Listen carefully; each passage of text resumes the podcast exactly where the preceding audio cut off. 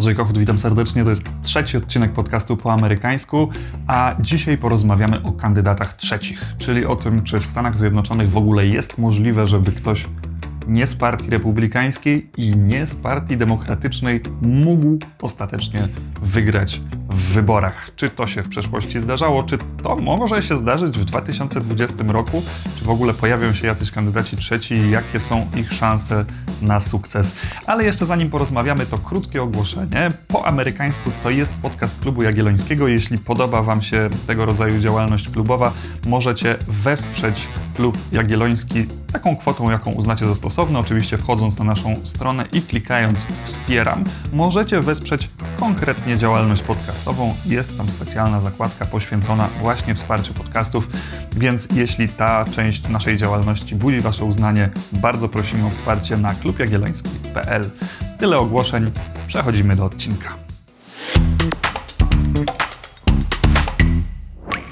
Amerykańskie wybory to oczywiście bitwa pomiędzy dwoma stronami. Zawsze są republikanie i demokraci. Zresztą w systemie wyborczym, w którym zwycięzca bierze wszystko, a przegrani odchodzą z niczym, takie ograniczenie do dwóch partii wydaje się najbardziej sensowne i zresztą potwierdza to amerykańska historia. Oczywiście partie się czasem zmieniały, to nie zawsze byli republikanie, nie zawsze byli demokraci, ale ten układ, gdzie dwie siły rywalizują ze sobą o wyborczy sukces, trwał w zasadzie od początku amerykańskiej historii. No i odbija się to oczywiście również na wyborach prezydenckich. Kiedy sięgniemy nawet my pamięcią wstecz, to pojawiają się przed nami te wielkie pary, które rywalizowały w wielkich pojedynkach o Biały Dom. Trump i Clinton, Obama i Romney, Obama i McCain, Bush i Kerry, Bush i Al Gore i tak dalej, i tak dalej. Można by się cofać odpowiednio dalej w przeszłość. Oczywiście to, że nasza pamięć nie przywołuje żadnych kandydatów poza tymi najważniejszymi dwoma, wcale nie oznacza, że ich tam nie było. W 2016 roku stawkę uzupełniali kandydatka Zielonych i kandydat Libertarian, którzy razem zdobyli prawie 6 milionów głosów. Pamiętaliście o tym? No moim zdaniem nie pamiętaliście, bo nie miało to żadnego znaczenia. I niestety to jest najczęstszy los e, kandydatów z tak zwanych ugrupowań trzecich. Co jednak nie oznacza, że politycy, którzy nie związali swojej kariery ani z republikanami, ani z demokratami, nie mają żadnych szans na wyborczy sukces. W 2018 roku były dwa takie przypadki w wyborach do Senatu. Niezależny, ale mało znany Angus King i równie niezależny, ale oczywiście dużo bardziej znany Bernie Sanders.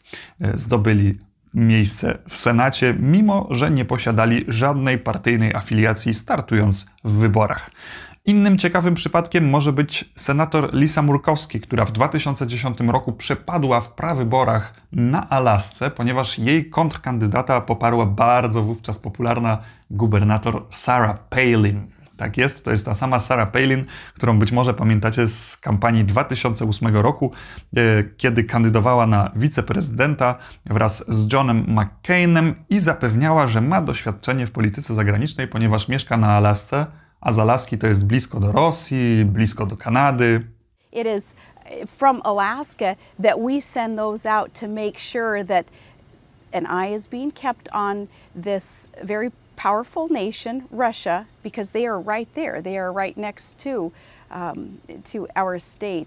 Ale wracając do Murkowski. Przegrała prawybory, mimo to zdecydowała się wystartować i poprosiła wyborców, żeby dopisywali jej nazwisko na kartach do głosowania. No i ta metoda przyniosła jej wyborczy sukces. Lisa Murkowski trafiła do Senatu. Przypadki sukcesów kandydatów trzecich zdarzają się również w wyborach gubernatorskich. Na przykład w 2014 roku mieliśmy Billa Walkera, który wygrał na Alasce, ale jeszcze w latach 90.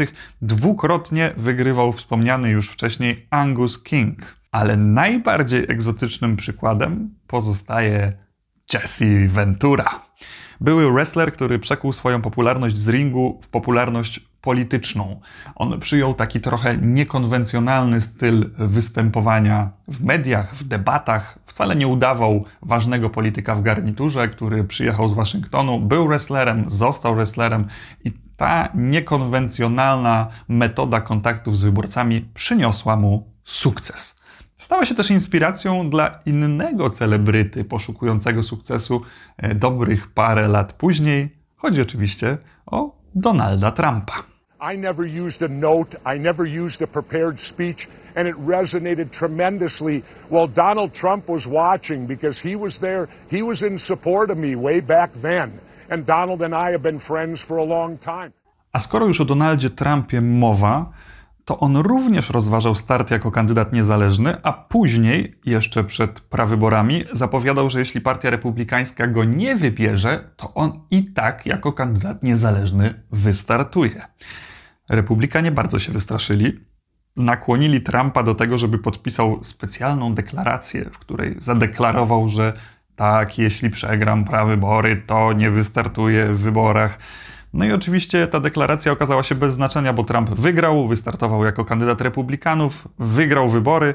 No ale pozostaje pytanie, skąd się wziął ten niepokój partii, skoro w amerykańskiej historii niemal brak przypadków, żeby kandydat trzeci wygrał wybory, no nie licząc chyba Jerzego Waszyngtona, który wystąpił w wyborach jeszcze zanim pojawiły się partie polityczne. Ale odpowiedź jest stosunkowo prosta. Już pod koniec 2015 roku republikanie zdali sobie sprawę, że Trump ma bardzo dużą bazę zwolenników, którzy najprawdopodobniej zagłosują na niego niezależnie od tego, czy będzie kandydatem republikanów, czy Donaldem Trumpem występującym samodzielnie. I to okazało się sporym problemem, bo o ile nie ma raczej przypadków, żeby trzeci kandydat mógł wygrać w wyścigu o Biały Dom, to jednak może znacząco namieszać. Najlepszym przypadkiem, jak bardzo może namieszać kandydat trzeci, może być historia Theodora Roosevelta, bardzo barwnego lokatora Białego Domu, kawalerzysty, podróżnika, który został prezydentem w 1901 roku, kiedy zastąpił zabitego w zamachu prezydenta McKinleya. Roosevelt później sam wygrał wybory w 1904, sprawował jeszcze kolejną kadencję, ale w 1908 roku uznał, że wystarczy i na swojego następcę mianował Williama Howarda Tafta. Niestety, jak to z następcami bywa, ten okazał się dla Roosevelta mocno rozczarowujący i w 1912 Roosevelt zadecydował, że jednak wróci do wielkiej polityki i znowu powalczy o Biały Dom. Wystartował w prawyborach Partii Republikańskiej, ale tam republikanie postawili na urzędującego Tafta, uznając, że to on ma przecież większe szanse w walce o, o Biały Dom. No i wtedy Roosevelt zaskoczył wszystkich, wystartował w wyborach. Mimo to. No i w wyborach Roosevelt zdobył prawie 30% głosów. Był to najlepszy wynik trzeciego kandydata w historii. Wyprzedził Tafta, ale okazało się, że razem z Taftem podzielili między siebie elektorat republikański i w związku z tym wygrał demokrata Woodrow Wilson. I być może ta historia tkwiła gdzieś z tyłu głowy republikańskich polityków, kiedy prosili Trumpa, by podpisał deklarację o tym, że nie wystartuje jako kandydat niezależny. Może pamiętali też, jak niebezpieczny może być kandydat trzeci, kiedy trafia do wyborców sfrustrowanych, zniechęconych tym, w jaką stronę poszła ich partia.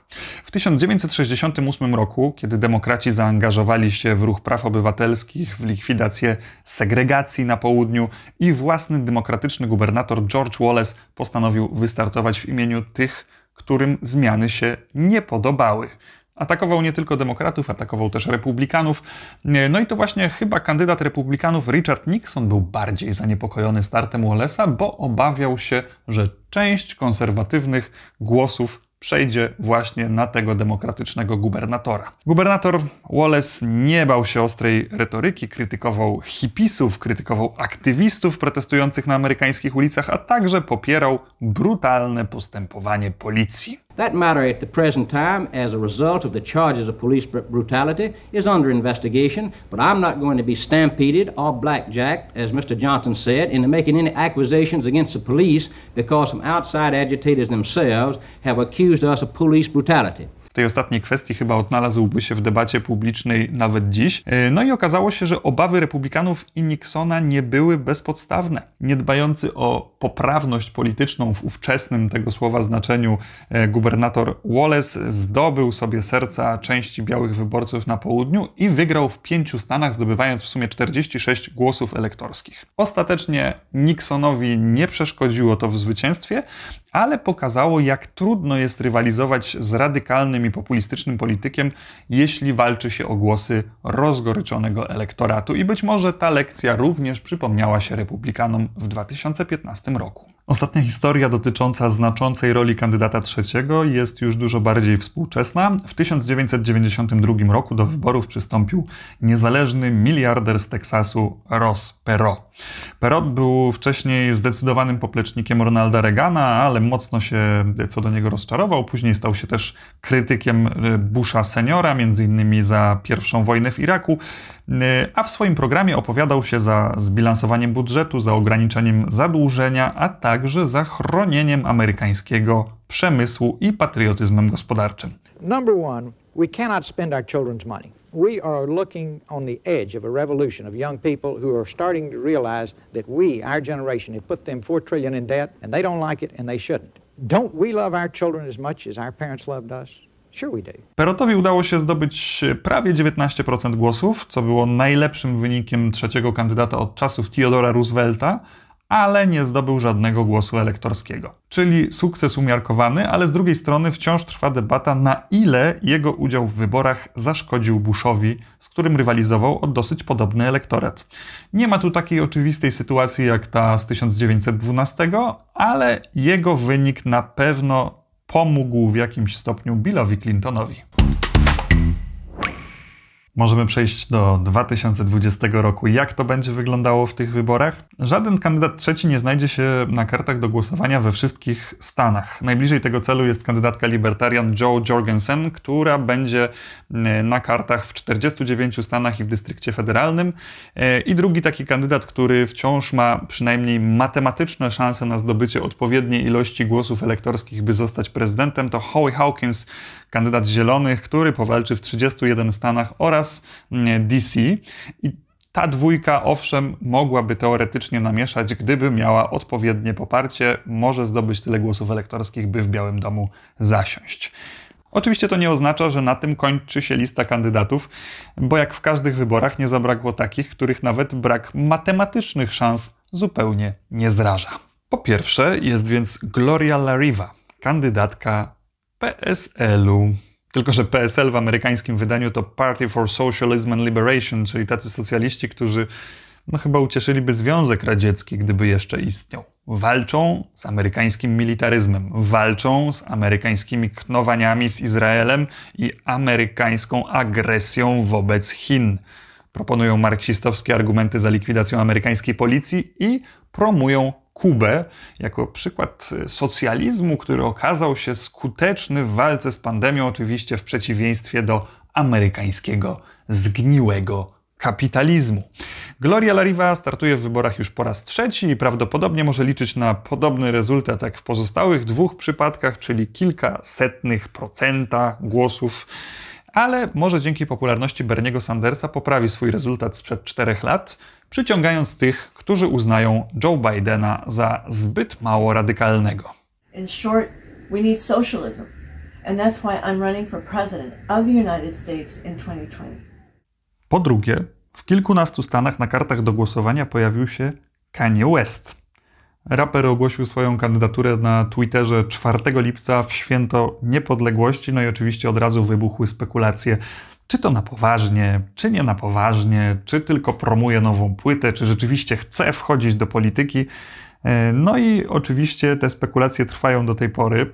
Parę tygodni później West wystąpił na swoim pierwszym spotkaniu z wyborcami, miał na sobie kamizelkę kuloodporną, na głowie wygolił sobie cyfry 2020, no i przemawiał do swoich potencjalnych wyborców, opowiadając, no właśnie trudno powiedzieć, o czym on opowiadał. Trochę mówił o swojej rodzinie, o historii swojego życia, trochę o czymś, co mogłoby być jego postulatami programowymi, na przykład o milionie dolarów na każde dziecko.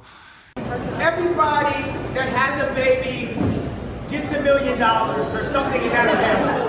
Mówił też sporo o aborcji, dzielił się swoimi przemyśleniami o niewolnictwie, ale jeżeli chodzi o swoją kandydaturę, to zbyt wiele nie wyjaśnił. Jednak mimo tego, że kandydaturę zgłosił na ostatni moment, mimo tego, że ta kampania nie wygląda zbyt poważnie, mm, jego obecność na kartach do głosowania w, tylko w kilkunastu stanach nie pozwala mu na zwycięstwo ostateczne w wyścigu o Biały Dom, to jednak nie można tej kandydatury zupełnie skreślić i jestem przekonany, że sztaby obydwu kandydatów przyglądają się uważnie temu, co stanie się z Kanye Westem, a to dlatego, że raper ma ogromną popularność i teoretycznie mógłby przyciągnąć do siebie część wyborców. I to zaledwo, zarówno wyborców Trumpa, który, którzy mają dosyć podobne do niego poglądy, jak i wyborców Bidena, zwłaszcza e, tych wyborców czarnoskórych, którzy mogą się po prostu bardziej utożsamiać e, z Kanye Westem. No i w związku z tym powstaje pytanie, ile wyborców by zabrał głównym kandydatom, a także gdzie?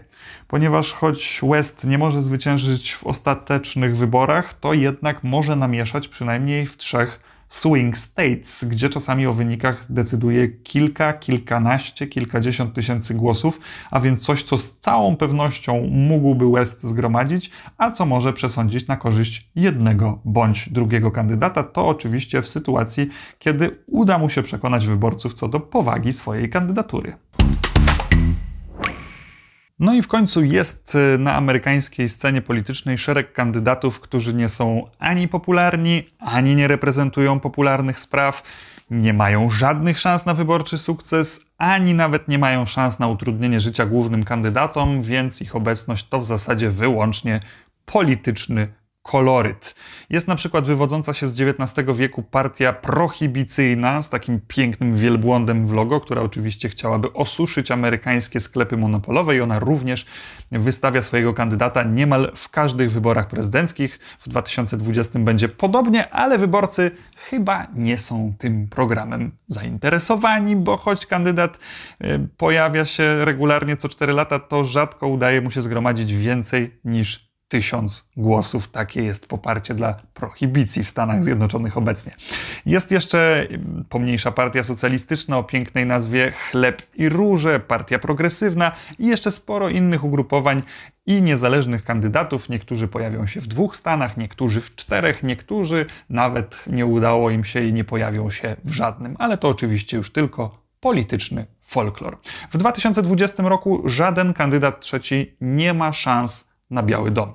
To jest jasne od samego początku. Kandydaci trzeci skupiają się więc raczej e, na elektoracie protestu, na tych, dla których dwie partie mainstreamowe to nie jest dostateczny wybór, bo są zbyt mało libertariańskie, zbyt mało ekologiczne, zbyt mało socjalistyczne.